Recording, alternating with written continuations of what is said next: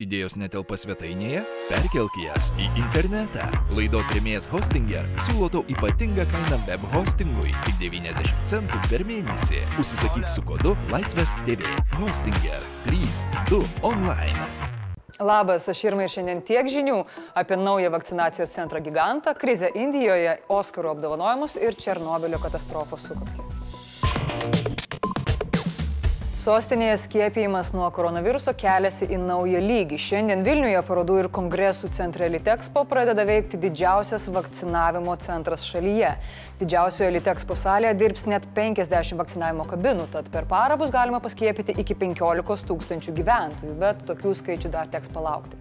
Aišku, jis šiandien neveikia pilnu pajėgumu dėl pagrindinės priežasties tai yra kad neturim dar pakankamai vakcinų. Iš viso paskiepyti per šią savaitę planuojam keturiasdešim du tūkstančius nes tiek vakcinų e, planuojam gauti. Be šio giganto vilniuje veikia dar du dideli vakcinavimo centrai savivaldybėje ir žirmūnų neformaliojo ugdymo centre anot savivaldybės toliau dirbant šiems centrams poliklinikos galėtų koncentruotis tik į vienų skiepų paskiepytų žmonių revakcinaciją bei judėjimo sunkumų turinčių pacientų skiepijimą namuose vilniaus meras remigijus šimašius atkreipė dėmesį kad svarbu praplėsti skiepijančiųjų ratą nes sveikatos priežiūros specialistai dabar ne tik skiepija, bet ir gydo COVID-19 pacientus bei dirba kitus darbus. Aišku, kad labai labai labai svarbu dar kartą būtų platesnių ratų įtraukimas į skiepimą ir ką noriu pabrėžti, kad čia yra ne tik, e, ne tik žmonės, kurie įduria adatą į raumenį, bet ir tai gali tikrai padaryti ir studentai, ir, ir, ir, ir, ir farmacininkai E, bet eina kalba ir apie dokumentų pildymą, suvedimą į sveikatą. Tokį didelį vakcinavimo centrą nuspręsta atidaryti atsižvelgus į vyriausybės informaciją, kad apie antrą metų ketvirtį išauks gaunamų vakcinų kiekis.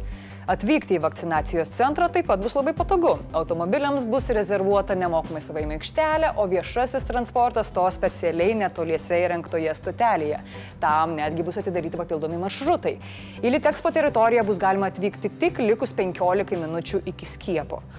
Išsinuomoti šį didžiausią skiepimo centrą miestui kainuos po 30 tūkstantėlių kas mėnesį. Miesto tarybai pritarus, patalpos išnuomotos 3-6 mėnesių laikotarpiui su teisė nuomą pratesti, jeigu kartais to prireiktų. Patalpų paruošimas vakcinacijai atsėjo dar apie 40 tūkstančių eurų. O kad pinigai nenueitų per niek ir būtų paskiepita kuo daugiau Vilniečių, meras šiandien iš savizolacijos tiesioginės transliacijos metu kreipėsi ir į rusakalbius miestų gyventojus. Так что я хотел бы обратиться к вам чтобы вы приходили э, вакцинироваться, чтобы использовали эти достижения человечества, которые мы имеем. Я тоже обращаюсь к нашим русскоговорящим зрителям. Пожалуйста, пользуйтесь возможностью привиться от коронавируса. Спасибо. Indija užklupo katastrofiška koronaviruso banga. Per pastarąsias 24 valandas čia užfiksuota daugiau nei pustrečio tūkstančio mirčių nuo COVID-19. Bendras mirties atvejų skaičius šalyje jau beveik siekia 190 tūkstančių, o per paskutinės 72 valandas šalyje nustatyta apie milijoną naujų užsikrėtimo atvejų. Krematoriumai ir morgai visiškai perpildyti. Nors dirba savanoriai, nebėra kur deginti kūnų, todėl didelė dalis mirusiųjų artimųjų tiesiog atsisako atsimti palaikus. Ligoninėse trūksta lovų, o deguonės aparatų gauti neįmanoma. Kalbama, kad negavę pagalbos žmonės tiesiog miršta ant ligoninių laiptų.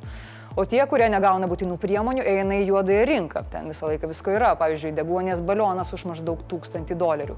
Panašu, kad Indijoje kuo turtingesnis esi, tuo daugiau turi šansų išgyventi. Dėl tokių siaubingų įvykių kaltinama Indijos hinduistų nacionalistų vyriausybė, mat ji pastarosiomis savaitėmis leido vykti masiniams susibūrimams, įskaitant ir religinį Kumba Melos festivalį, kuriame dalyvavo milijonai tikinčiųjų. Žinot, kaip sako, saugokis, tai ir Dievas tave apsaugos. Tiksliau, visi 33 hinduistų dievai. Tiesa, nuo kvailos vyriausybės jie nesaugo. Ei, palau, mūsų vakarietiška savivaldybė leido 7 tūkstančiams susirinkti į Vingio parką šeimų maršui? Ok, puiku, šaunuoliai važiuojam. Reaguodamos į Indijos tragediją, į pagalbą skuba vakarų šalis. JAV ir Junktinė karalystė skubiai siunčia Indijai dirbtinės plaučių ventiliacijos aparatų ir vakcinų gamybai reikalingų medžiagų. Apie ruošiamą pagalbos siuntą su medikamentais ir degonės įranga pranešė ir Prancūzija, Vokietija ir Kanada. Tuo tarpu Indijos valdžia kovoja su pandemija, neigdama pandemiją, o jie tiksliau iš Twitterio šalindama žinutės, kuriuose rašoma, kokios ten vyksta šakės. Tai patvirtino ir pats Twitteris, išėmęs tweetus Indijos valdžios prašymu. O, kad viskas būtų taip paprasta, jeigu tokia cenzūra iš tikrųjų panaikintų problemas, mes jau seniai būtume išėmę iš lietuviško interneto visą informaciją apie Petrą Gražulį. Šią naktį Amerikoje buvo išdalinti kino atstovų labiausiai laukiami prizai, tai yra Oskarų statulėlės.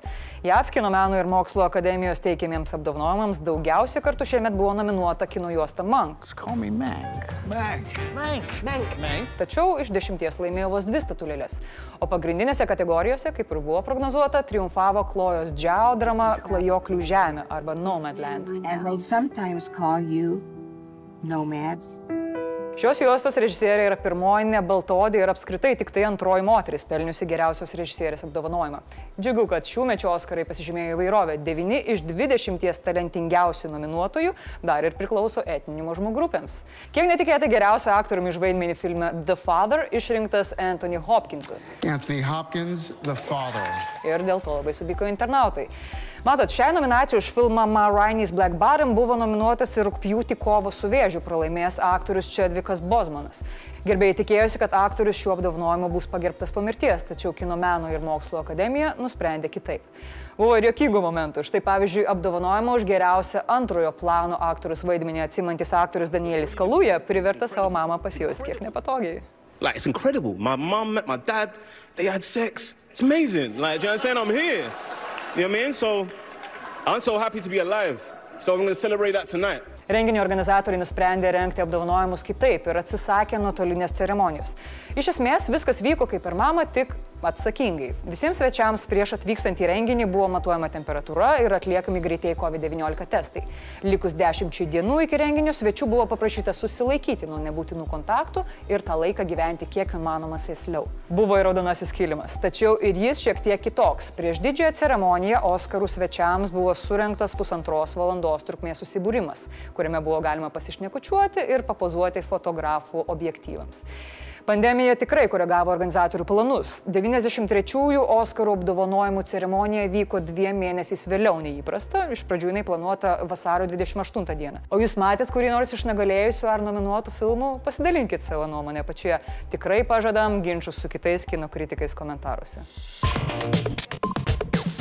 Minime 35-asias Černobilio atominės elektrinės katastrofos metinės. Šią dieną 1986-aisiais per saugumo patikrinimą sprogo už 110 km nuo Kijevo esančios elektrinės ketvirtasis reaktorius. Iš apylinkių buvo evakuota daugiau kaip 100 tūkstančių žmonių ir nustatyta 2600 km2 pavojaus zona. Į ją leisti įžengti tik atliekas šalinantiems ir apsauginį sarkofagą prižiūrintiems specialistams. Šią progą Ukrainos saugumo tarnyba išslaptino dalį jos archyvose esančių dokumentų, tarp kurių pirmoji atominė atominės elektrinės direktoriaus Viktoro Briuhanovo ataskaita apie sprogimą jėgainėje, taip pat dokumentai su jėgainės operatorių pokalbiais avarijos metu. Mūsų prezidentas šią progą atidavė pagarbą tragedijos aukoms. Taip pat jis ukrainiečių elektrinę prilygino visai netoli Vilniaus pastatytai nesaugiai Astravo elektriniai ir pažadėjo elektrinės saugumo klausimą kelti Europos vadovų taryboje. Ištaikė tinkamiausią progą į Astravo atominę svetainę įsilaužė programišiai. Jie ten patalpino perspėjančią žinutę, kad tragedija gali pasikartoti kad tarptautinė bendruomenė turi spausti Lukašenką nutraukti elektrinės darbą. Puikiai padirbėjote Lietuvos, e, tai yra dar nežinomi programišiai.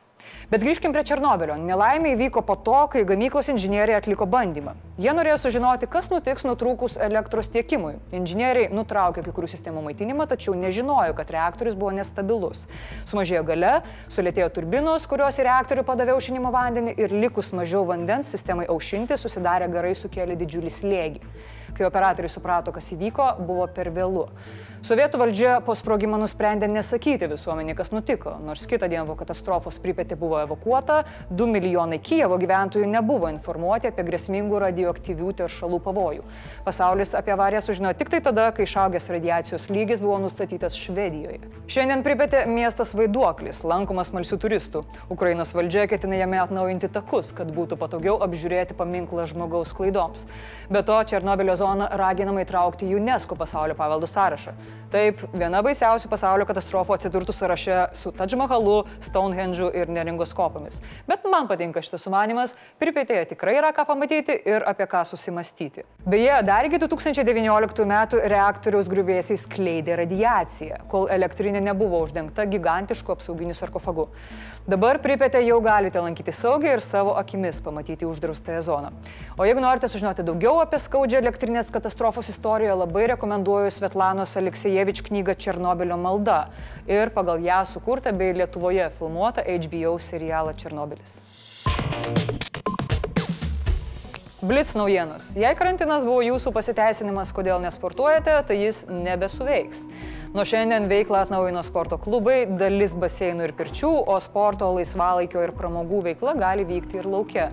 Sporto klubai atidarimo labai laukia, tačiau nėra patenkinti, kad juose esančių ir atskirų baseinų veikla yra ribojama. Lietuvių kilmės kovotojo Rausna Majūnas nustebino pasaulį UFC 261 turnyre iškovojusi įspūdingą pergalę ir dar kartą tapusi superlengvo svorio kategorijos pasaulio čempione.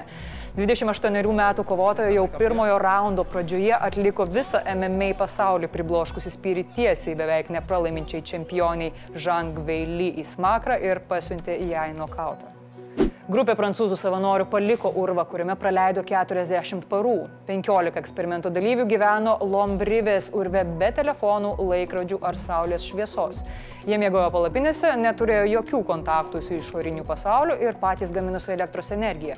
Eksperimento tikslas - patyrinėti žmogaus gebėjimo prisitaikyti prie izolacijos ribas. Jaučiuosi va taip, o dar tik tai pirmadienis.